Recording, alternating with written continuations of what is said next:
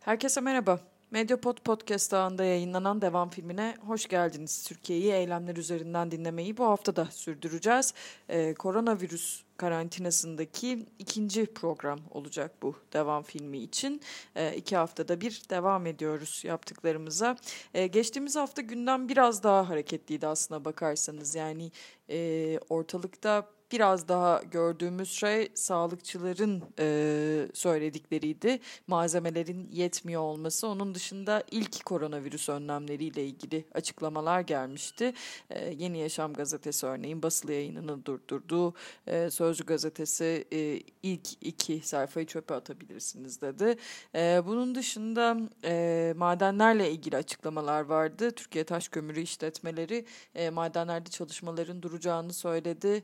E, Fridays for Future e, eylemleri vardı. 3 Nisan'da bir dijital iklim grevine e, çıktılar e, kendileri ve evde kal Türkiye nasıl kalalım baba sorusunu sormuştuk. Malik Yılmaz tır şoförü e, gözaltına alınmıştı. Onun söyledikleri aslında Türkiye'nin fotoğrafını çekmişti. Şimdi bu evde kalma meselesi nin e, aslında biraz daha durulduğunu söyleyebilirim belki bu programda. E, çeşitli düzenlemelerle bir tık daha e, hafifledi bu konunun konuşulması ama elbette bu konu bir çözüme ulaşmadı e, ve buradan bunun üzerinden e, bu haftaya bakacağız. Bir başka soru var evde kalma meselesiyle ilgili sorulan. Biz işçiler neden evde kalamıyoruz diyor. Bugünün program başlığı da bu olacak. İnşaat İşçileri Sendikası'nın sokağa astığı bir pankart görüntüsüydü aslında bu ve e, üzerinde de bu yazıyordu. Biz işçiler neden evde kalamıyoruz diye soruyorlar. Evet koronavirüs günlerinde Türkiye'yi eylemler ve hareketler üzerinden dinlemeye başlıyoruz.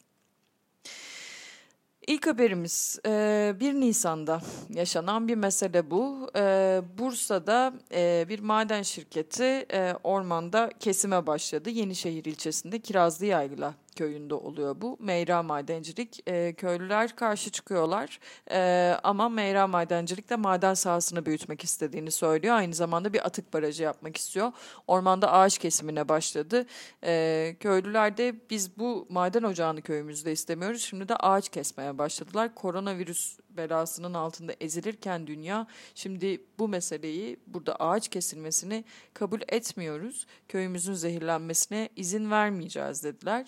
E, kaymakam girmiş araya. E, köylüler sokağa çıkmışlardı çünkü e, ve bir süreliğine çalışmayı durduracaklarını e, söylemiş şirketin ama bu bir geçici çözüm biz de hatırlatalım. Bir başka ağaç kesimi de Muğla'daydı. Muğla Çevre Platformu duyurdu aslında bunu. E, Muğla'nın Ula ilçesine bağlı Çıtlık Mahallesi'ndeydi. 30 ee, hektar yetişkin orman alanı endüstriyel plantasyon alanı olarak belirlenmiş ve kesim ihalesi yapılmış. Bu konuyla ilgili olarak da Change.org'da başlatılmış bir imza kampanyası var. Belki siz de göz atabilirsiniz. İnşaat İşçileri Sendikası ile açmıştık e, bu haftanın programını. E, aslında onların söyledikleri bugünün başlığını oluşturuyor. Biz işçiler neden evde kalamıyoruz e, diyorlar. Böyle bir eylem yaptılar. Çünkü inşaatlar durmadı. Türkiye'nin pek çok birçok yerinde bununla ilgili de bir düzenleme yapılmadı. E, en azından yasal bir düzenleme. Dolayısıyla işçiler de bu soruyu sormaya devam ediyorlar. E, bir pankart e, bu fotoğraf e, bu programında esas fotoğrafını oluşturuyor. Soma ile ilgili bir haber var e, önümüzde. E, şimdi Zonguldak'ta e, Zonguldak karantina altına alınan şehirlerden bir tanesi oldu. E, 30 büyük şehrin yanında böyle bir karar açıklandı. Akciğer hastalıkları nedeniyle e, şehirde görülen. E, Soma halkı da aslında termik santralin zehrini yıllardır biz de soluyoruz diyorlar. 1970'lerde açıldı Soma'ya. Manisa'nın Soma ilçesine ilk termik santral ve hala devam ediyor aslında işlemeye. E, aynı zamanda ikinci bir e, termik santralde e, hatırlayacaksınız zeytinliklerin kesilmesinden sonra Colin Holding tarafından yapılmıştı. E, kesilen alana yapılmadı ama e, bir birkaç köy öteye bir termik santral inşa edildi. Şimdi Soma Havzası içinde acilen önlem alınması zorunludur diyor işçiler ve Soma demişken belki bir e, haber vermek lazım burada. E, İmbat Madencilik Ocağı'nda önceki gün e, şılam denen e, sulu ve çamurlu malzemeyi tutan bir set patladı. E, üç işçi hayatını kaybetti. Ersin Özdağan, Salih Ayber ve e, Erdinç Karaevli.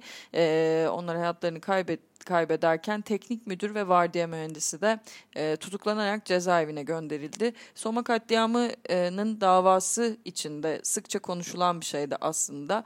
E, yargılananların kimler olacağı meselesi. E, sorumlular elbette yargılanmalı. Fakat mesele aslında esasen konunun temelinde e, önlemleri almayan patronlara kadar ilerlemeli e, diyordu avukatlar ve aileler. Ama bu olmadı.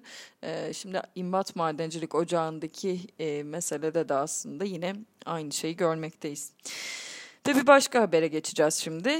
E, TMOB Şehir Plancıları e, Odası Şubesi duyurmuştu ama e, yani onlar sadece duyurucularından bir tanesiydi. Hastanemi Açın platformu kuruldu Ankara'da. 120'den fazla örgütün bir araya gelerek oluşturduğu bir platform burası.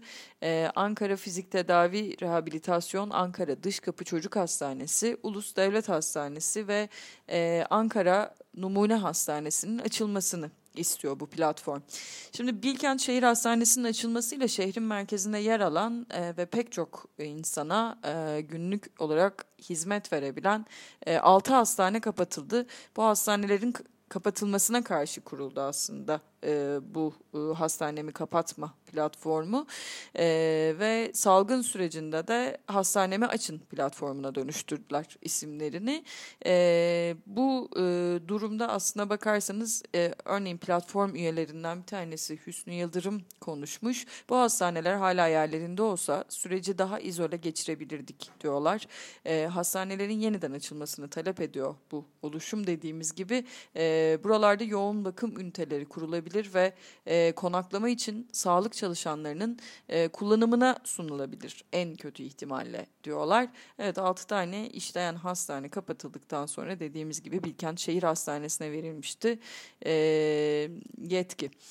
Bu da ee, önemli bir haber olarak bu haftanın devam filminde yer aldı. Ve bir başka haber e, bir toplu eylem buluşma olmadı ama çocuk istismarının affı olmaz konusu e, sosyal medyada uzunca süre e, en çok konuşulan, en sık konuşulan şeyler arasında kaldı. E, Mor e, aslında şöyle duyurdu bir özetlemek gerekirse 2016'dan bu yana çocuk istismarcılarına af çıkarmak için ısrar ediliyor.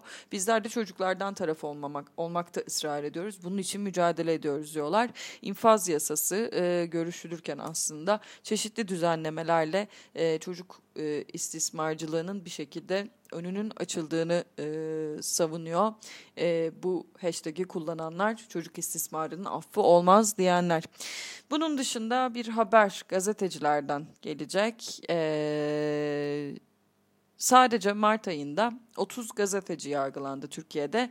E, Press in Arrest isimli bir e, bir e, platform var aslında.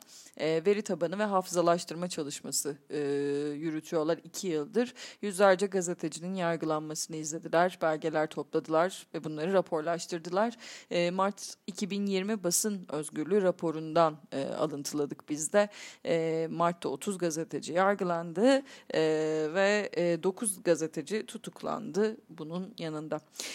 Af örgütü de bir e, açıklama yaptı geçtiğimiz günlerde. Bu bir eylem değil ama e, bir toplumsal meseleye dair bir açıklama.